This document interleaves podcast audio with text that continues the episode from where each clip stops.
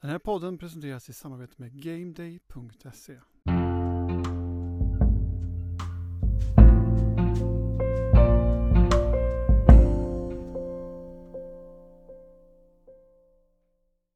Hejsan på er och välkommen tillbaka till NFL Supporter Dokumentär. Idag ska vi ta oss en titt på det där lite udda sättet som spelarna ändrar ligan. För när andra ligor bygger på att laget med den fetaste plånboken oftast kontrakterar de största talangerna ja då sticker NFL och några av de andra amerikanska sporterna ut genom sitt unika system där talangerna fördelas till de som behöver dem mest. Jag pratar självfallet om den så kallade draften som i år äger rum online med tanke på det rådande världsläget. Draften är i grund och botten ett enkelt men genialt system som låter fjolårets sämsta lag välja först bland alla de nya rekryter som ska in i ligan. Ett mycket generöst upplägg som visserligen gör det svårare för de enskilda klubbarna att bygga dynastier men som på det stora hela jämnar ut tävlingsbalansen och se till att produkten i NFL håller en hög och jämn kvalitet. I dagens avsnitt ska vi försöka ta oss en titt bakom kulisserna och ge en inblick i hur det kan gå till när en spelare väljs. För att bibehålla en viss stringent ska vi göra det genom att berätta historien om ett alldeles särskilt fall. Ett fall som innehåller många av de faktorer som kommer i spel när en ung spelares framtid ska avgöras. Förutom lögner och intriger ger det oss också en inblick i hur många kockar som är inblandade i dessa soppor. Det enda som troligtvis inte kommer snudda vid den här gången är sanningen. För så här 16 år senare är nätet fyllt med tolkningar från huvudpersonerna där de vill berätta just sin syn på hur det verkligen gick till. Och självfallet är bara deras version den korrekta. Idag ska vi därför ta oss tillbaka 16 år i historien och försöka reda ut vad som egentligen hände när Eli Manning draftades som nummer ett av San Diego Chargers.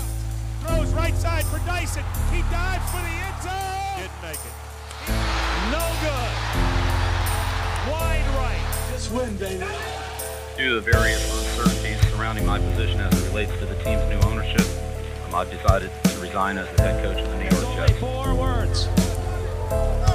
This one's for John. Eli Manning behöver egentligen inte någon vidare introduktion. Men för att alla ska vara med på banan så kan vi dra en snabb resumé. New York Giants lågmälde QB spelade hela sin karriär i Giants och pensionerade sig efter den senaste säsongen efter 16 år i klubben. Karriären bjöd på ömsom vin och ömsom vatten, men Giants-fansen kommer säkert minnas Eli med stor vördnad eftersom han var en bidragande orsak till klubbens två Super Bowl-vinster under hans period i klubben. Dessutom slog man de senaste 20 årens stora lag New England Patriots i båda dessa finaler. Vad få minns är dock att Eli Manning draftades av en helt annan klubb och faktiskt tillhörde San Diego Chargers från första början. Om än i bara 45 minuter. Och det är just den historien vi ska berätta idag. En historia som säger mycket om spelet bakom kulisserna men som kommer innehålla en hel del information som man får ta med en rejäl nypa salt. För även om det finns otaliga spaltmeter skrivna av spelet kring Eli Manning så har aldrig huvudpersonen själv uttalat sig om vad som egentligen hände. Inte nämnvärt i alla fall. Enligt hans utsagor handlade det bara om att han helt enkelt inte ville spela för San Diego. Men varför ogillade han Chargers? Och hur kom det sig att han egentligen byttes bort till Giants? Ja, innan vi grottar ner oss i detta så ska vi titta tillbaka för att förstå motivet bakom draften och hur den utformas för att ge makten till ägaren när det kommer till klubbvalet.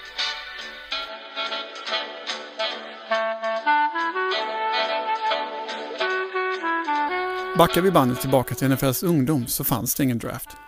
Spelarna kontrakterades helt enkelt av de klubbar som var störst och så kunde ge spelarna de fetaste kontrakten.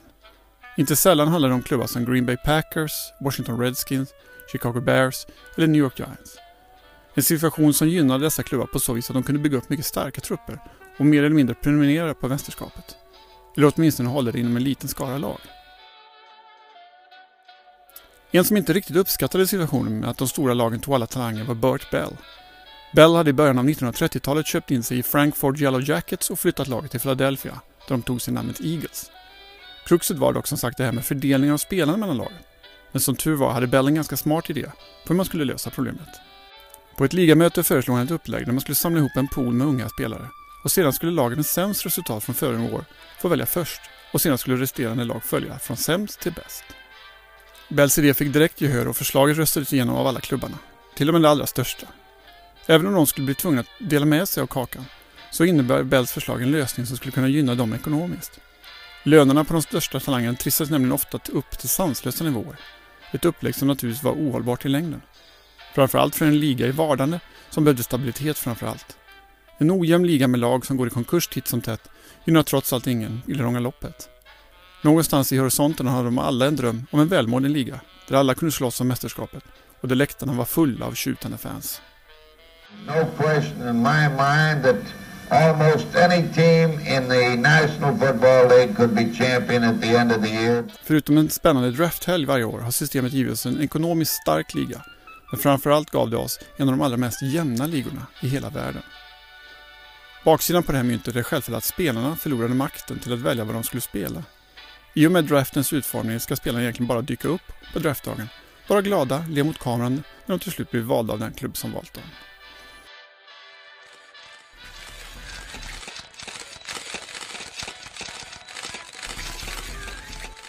Rollfördelningen är tämligen solklar. Det är klubbarna som väljer och spelarna är bara egendom som ska fördelas. Nu är det dock inte synd om spelarna på något sätt, för upplägget har trots allt givit dem en chans till en fantastisk inkomst i en välmående liga.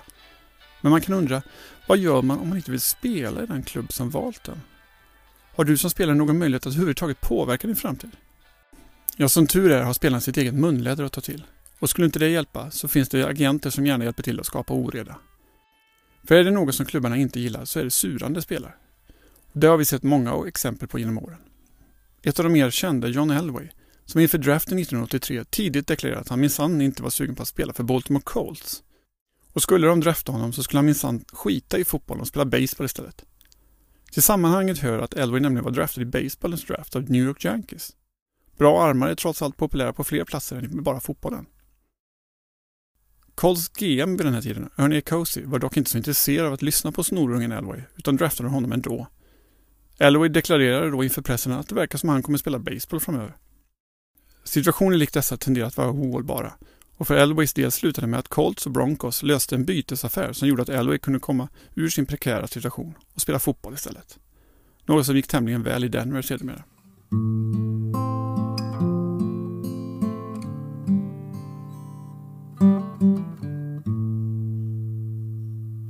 Så vad har då den här långa omvägen med vår historia att göra?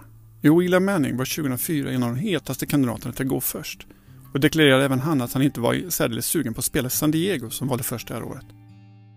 Vad han grundade beslut på var tämligen oklart, men kanske hade det att göra med hans pappas karriär. Archie Manning spelade som QB i ligan mellan 1971 och 1984 och spenderade alldeles för mycket tid i klubbar utan större framtidsutsikter. Kanske var det han som påverkade sonen att undvika Chargers. En klubb som vid tillfället var i allmän oreda och hade uppvisat många knepiga beslut de senaste åren. Bland annat hade man 1998, samma år som Eli Storbror Payton gick som nummer ett, valt Ryan Leaf som nummer två i det årets draft. Ryan Leaf var innan draften rankad lika högt, eller åtminstone nästintill, som Peyton Manning.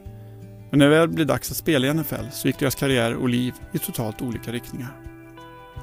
Nu ska det dock sägas att Ryan Leaf var tämligen duktig på att förstöra för sig själv. Men Chargers fallerade tämligen kopiöst med att guida den unga talangen bland alla skandaler och skador som kom som ett pärlband efter varandra. Kanske var Ryan Leaf en omöjlig person att styra. Kanske ska ingen skuld läggas på Chargers för det inträffade. Men för en utomstående ung adept från Ole Miss och hans gamla kubefarsa så såg det onekligen inte snyggt ut. Nu var dock inte Archie Manning den enda i Elis närhet som var tveksamt inställd till Chargers. Elis agent, Tom Condon, var också part i målet och hade säkerligen sin agenda rätt klar. Han ville placera Eli på en stor marknad där killen kunde bli en rockstjärna. Med storbror Peyton hade det visserligen gått vägen sex år tidigare då denne placerades på landsorten i Indianapolis. Men denna gång ville Condon till The Big Apple, New York.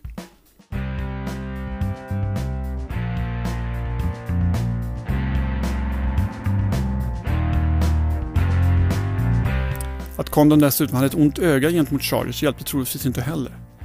En annan av hans klienter, nämligen Drew Brees, kämpade nämligen med veteranen Doug Flutie om jobbet som startande QB i Chargers. Och Condon ansåg att hans klient blev lite ofördelaktigt behandlad av tränaren Marty Schottenheimer. Schottenheimer var för övrigt själv klient hos Condon och hade i sin tur vissa problem med general manager A.J. Smith, som han inte kom överens med särdeles väl. Förutom dessa två hade Condon även LaDainian Tomlinson i klubben och kände väl inte direkt någon större lust att placera ytterligare en adept mitt i ett struligt San Diego. Nej, det var många som hade åsikter om Elis framtid. Men oavsett vem, vad eller vilka som påverkade honom så var det tämligen uppenbart för alla utomstående att pojken inte ville till San Diego.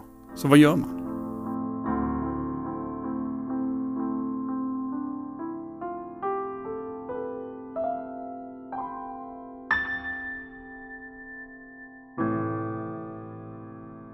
Initialt så försökte familjen Manning spela med öppna kort genom att föra en dialog med Chargers. Man förklarade helt enkelt för Chargers GM A.J. Smith att Eli Manning inte ville spela för klubben och hans plan var att spela för Giants. Av den anledningen vore det lättast för alla parter om Chargers bara valde någon annan spelare. Det fanns ju trots allt en hel del andra sköna QB-prospects i denna draft, såsom Philip Rivers eller Big Ben Roethlisberger. Ja, på den tiden var han kanske bara Ben. Smith lät sig dock inte övertalas utan förklarade att klubben med största sannolikhet skulle drafta Eli Manning som nummer ett för draftdagen. Chargers måste ändå se till organisationens bästa och ur deras perspektiv var Eli Manning det bästa prospektet det här året. En möjlighet som Chargers minsann inte tänkte missa. När alla artiga sätt att lösa konflikten gått i stöpen fanns det egentligen bara en sak att göra för Eli Manning. Att ta till det kort som många spelare gjort innan honom. Att vara obekväm. Att bli en snorunge. En taktik som garanterat skulle skada hans image för stunden, men som i det långa loppet möjligtvis skulle kunna leda till att han kunde få spela fotboll på rätt ort. Således började Eli Manning och hans agenter låta sina åsikter om Chargers sippra ut och dagen innan draften gjorde Manning till och med ett officiellt uttalande där han förklarade att han absolut inte ville till San Diego. Why don't you want to play for the Chargers? Uh, you know, we're not really giving details right now. We just uh, we've made our decision, and that's what we're sticking to. Who's influenced you the most? You know, just uh, it's not really an influence. This was my decision. It was, uh, you know, I, uh, I wanted to do this. Uh, I was not, you know, told to do this. We, we talked about it, and I, and I thought it was the best idea, so I went with it. The Chargers call your name when I talk to you after the pick. Will you be wearing a Chargers hat? Um, you know, I don't know. We'll, we'll see what happens. Uttalandet var naturligtvis första stoff överallt och Manning gick från helylle supertalang till en bortskämd snorunge på bara några sekunder. Och om inte detta var skäl nog för att reta upp Chargers så hade Manning även spelat in en reklamfilm för Reebok lagom till draften. I den sågs han bära en Chargers-keps för att sedan byta mot en Redskins-keps för att slutligen avsluta reklamfilmen iförd en, just det, New York Giants-keps. Eli Mannings åsikter var således därmed allmän kännedom. Frågan var bara om det skulle ge någon effekt. Men om vi lämnar familjen Manning därhän för en stund. Vilka andra parter fanns det egentligen i den här soppan? Ja, det mest uppenbara var till exempel det general manager som skulle spela stora roller i Elis draftäventyr. I Chargers fanns A.J. Smith, en herre på 55 år som visserligen hade jobbat dryga 25 år i ligan, men som var relativt oprövad som general manager. På andra sidan landet satt Ernie Corsi, som var något mer beprövad som general manager. Bland annat var det han som fick ta hand om den bångstyrige John Elway när denne inte ville spela för Baltimore Colts 1984. Så här 20 år senare satt han på andra sidan bordet med fjärde valet i den kommande draften och funderade på hur han skulle få Chargers att låta honom få drafta Eli Manning.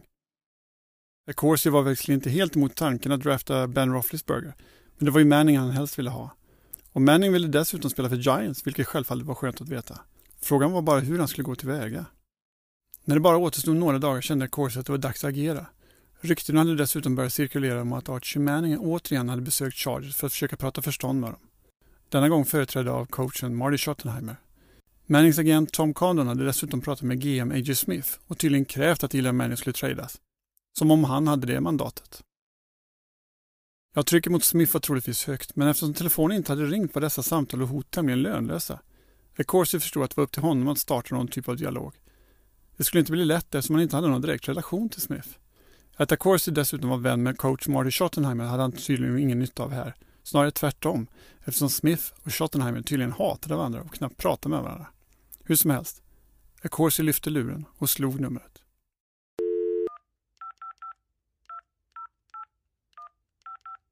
Smith svarade och Acorsi förklarade att de båda satt i en knivig sits med tanke på Elis inställning gentemot Chargers. Han förklarade också att han mycket väl förstod de våndor som Smith stod inför han hade ju trots allt själv suttit i samma sits 1984 när Elway vägrade spela för Colts. Accorsi hade således full förståelse om Smith bara ville knäppa ungjäveln på näsan och drafta honom i alla fall. Men om så var fallet så ville Accorsi veta det nu så att båda lagen i så fall kunde gå vidare inför draften. Någon vidare förhandling blev det inte direkt. Smith visade sig visserligen vara öppen för en affär, men hans krav var tämligen löjliga.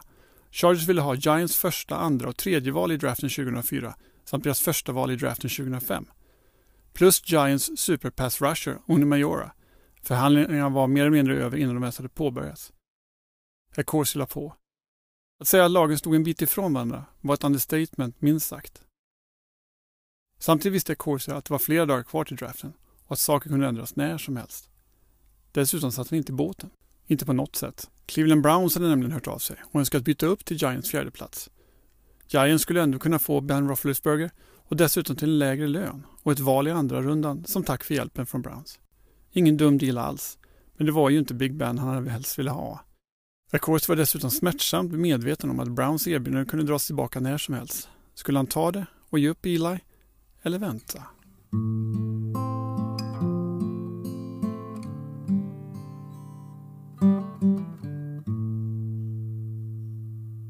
Om McCourseys sits var en kniv igen så var A.J. Smith en rejäl rävsax.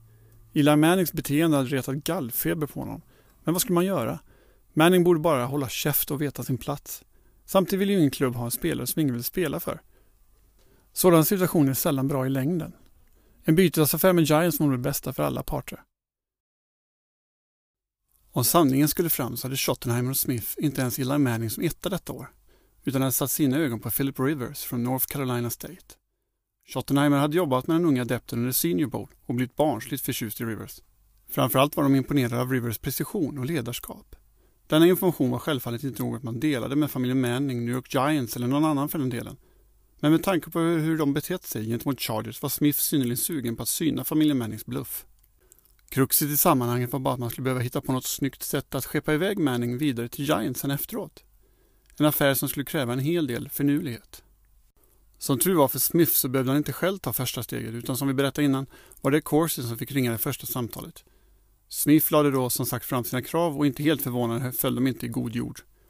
Smith lovade dock att återkomma till LaCourse på fredagen, det vill säga dagen innan draften. Kanske skulle samtalet fortlöpa bättre då. Vad Corsi inte visste vid detta tillfälle var att Smith inte hade någon som helst avsikt att ringa tillbaka på fredagen. Istället skulle han ringa tillbaka mitt i Giants första 15 minuter. Det vill säga mitt i pågående draft när Giants som lag nummer fyra skulle göra sitt första draftval för kvällen. Problemet med den taktiken var avsaknaden av fredagssamtalet skulle kunna leda till att fisken, det vill säga Giants, lossnade från kroken. Tänk om de helt enkelt bara gick vidare i sitt liv. Dessutom skulle ett så pass sent samtal som mitt i draften visserligen ge Corsi ett rejält adrenalinpåslag men det skulle även lämna honom tämligen oförberedd för att göra ett byte. Smith behövde på något sätt framföra till Giants att han ville göra en affär men utan att på något sätt avslöja vilka kort han satt på. Som tur var visste han precis hur han skulle gå tillväga. Who knows what evil lurks in the hearts of men? the shadow knows. I organisationen, eller i dess direkta närhet, fanns en person som Smith visste hade synnerligen svårt att bevara en hemlighet. Hans, eller hennes, identitet har blivit okänd och än idag refererar Smith till personen som Skuggan om han får frågan om draften 2004. Hur som haver berättade Smith för Skuggan om sina planer och tryckte på det här med att det var en hemlighet som absolut inte fick komma ut. Skuggan lovade att bevara hemligheten. Men Smith visste att i och med detta så var hemligheten ute på djungeltelegrafen. Frågan var bara om den skulle nå Corsi borta i New York innan lördagens draft. At Madison Square Garden, we mean absolutely all sorts. From both coasts and all walks of life. Fans of the home teams, fans of the road teams, and yes, fans of a great family, the Mannings, father and son. This is their moment. Den 24 april 2004 var det äntligen dags för årets draft. På den här tiden var det inte spektaklet lika stort som det är idag, om vi bortser från i år då när det är coronatider. Men på den här tiden så var det bara de sex största prospekten som bevistade evenemanget. Däribland hittar vi Larry Fitzgerald, Ben Roethlisberger och allas våra Eli Manning. Stämningen på plats var tryckt och Eli Manning var numera ett lätt hatat topprospekt efter sina uttalanden om Chargers dagen innan. Ernie Kors hade fortfarande inte fått någon återkoppling från Chargers så han hade meddelat Ben Roethlisbergers agent att det troligen skulle bli så att New York Giants skulle välja honom som nummer fyra. Dock fanns det vissa tecken på att Chargers trots allt inte hade gett upp det här. En representant från media, eller vad det nu var, hade nämligen ringt upp Accorsi på fredagskvällen och påstått att Chargers bara höll honom på halster och att de skulle återkomma till Giants. Precis mitt i Giants 15 minuter innan de var tvungna att lämna in sitt första val för kvällen. Accorsi visste inte vad han skulle tro, men var så pass rutinerad att han hade sett till att vara väl förberedd för allt, om det här skulle hända. With the uh, first choice in the 2004 NFL Draft, the San Diego Chargers select Eli Manning, cornerback, Mississippi. Initialt så fortlöpte draften precis som många hade förutspått. Chargers lät inte domderas någon skolpojke utan valde Eli Manning med draftens första val. Förutom att de markerade sitt ställningstagande på ett mycket tydligt sätt skickade de även upp Manning på scenen för att fotas med sitt nya lags tröja. En tröja som han motvilligt höll upp, som om det vore storebroderns utkönta kalsonger. Med ett falskt leende stod männen där och log mot pressen. Samtidigt kunde man höra hur frasen Eli sucks, Eli sucks skanderades från en minst sagt uppretad publik i Madison Square Garden i New York. Draften fortsatte sedan under något mer lugna former med att Raiders som förväntat valde tackle Robert Gallery. Ett val som de kanske inte riktigt var nöjda med i långa loppet sen. Därefter var det Arizona Cardinals tur som valde wide receiver Larry Fitzgerald. Ett val som kom att bli synnerligen gott.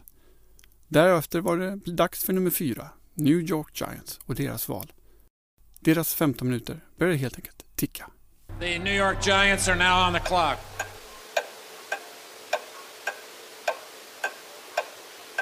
Precis som sportreportern hade förvarnat om så ringde telefonen mer eller mindre precis mitt i Giants 15 minuter.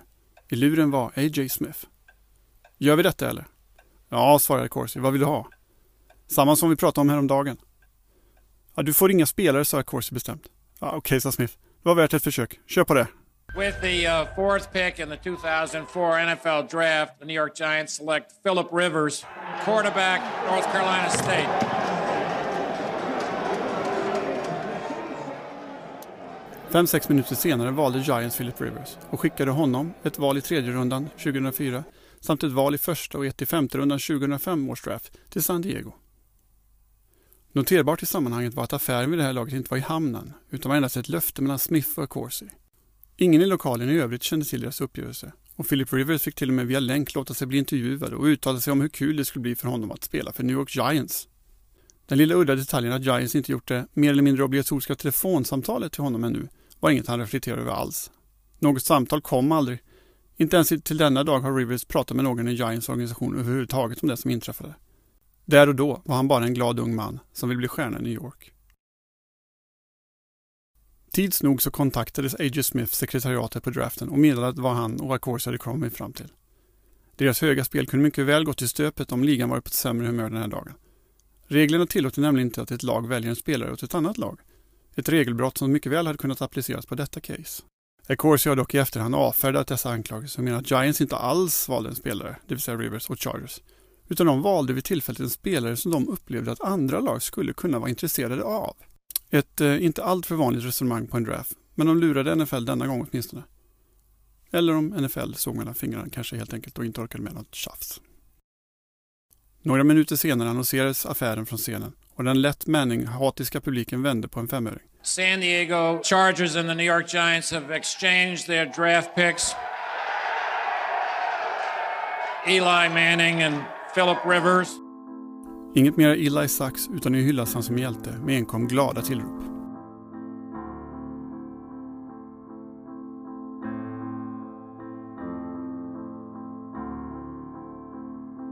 Men vad var då vinnaren på allt detta? Ja, vid en första anblick så är nog svaret Eli Manning. Han fick trots allt spela i den klubb han ville. En klubb som han representerade under hela sin karriär. New York Giants gav visserligen upp en hel del för Manning, men kan så här i efterhand blicka tillbaka på en period som trots allt gav dem två mästerskap. Så visst var det värt det, att ge upp alla de där draftvalen 2004. Eller som Ernie Corsi uttryckte själv. You can't give up too much for Elway. You can't overpay DiMaggio. San Diego Chargers då? Ja, hur gick det för dem? Ja, de fick ju sin Philip Rivers till slut. Spelaren som de enligt egen utsago i alla fall helst ville ha. Dessutom fick de en massa draftpick på köpet. Första valet i 2005 års draft omvandlades senare till Sean Merriman.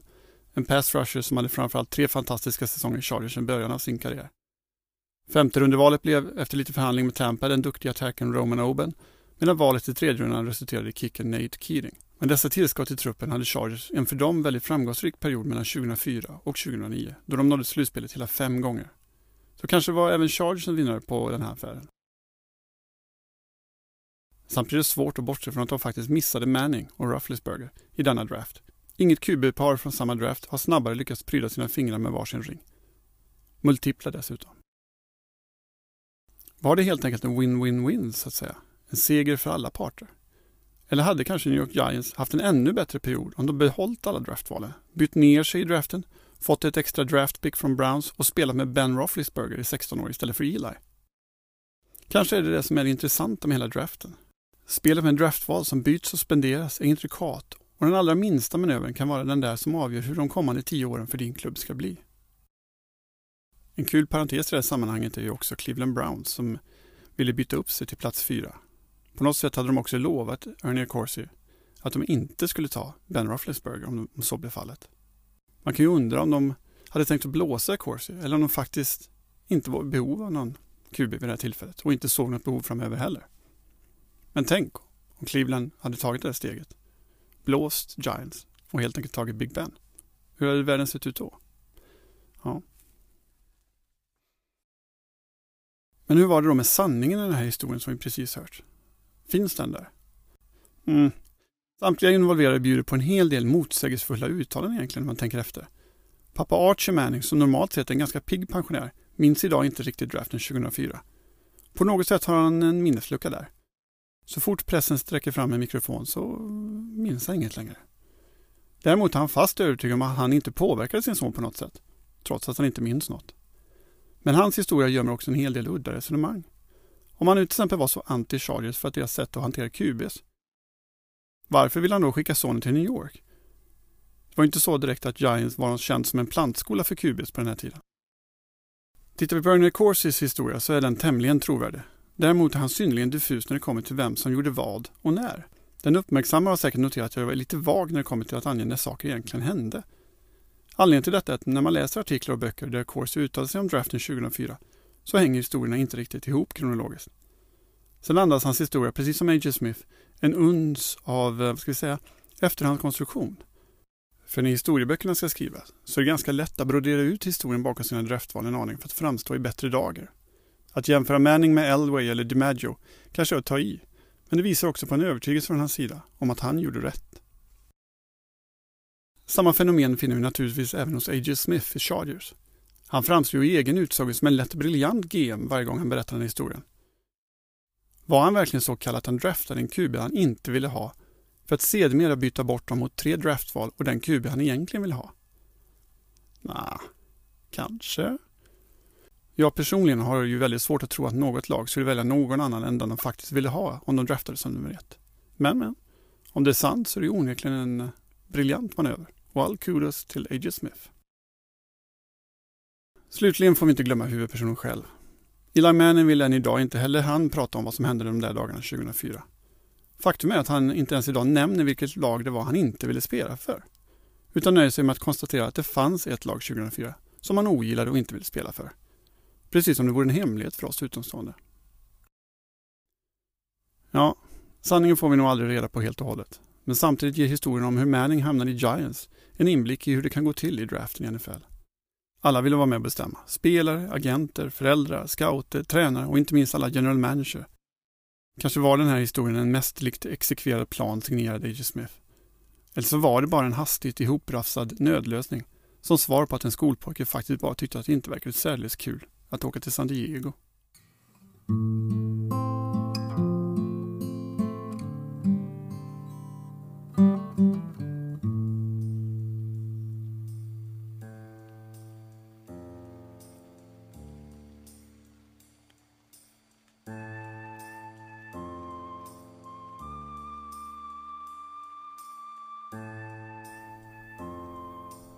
Det var alltså historien om Eli Manning och hur han till slut hamnade i New York Giants, en klubb han spelade för i 16 år.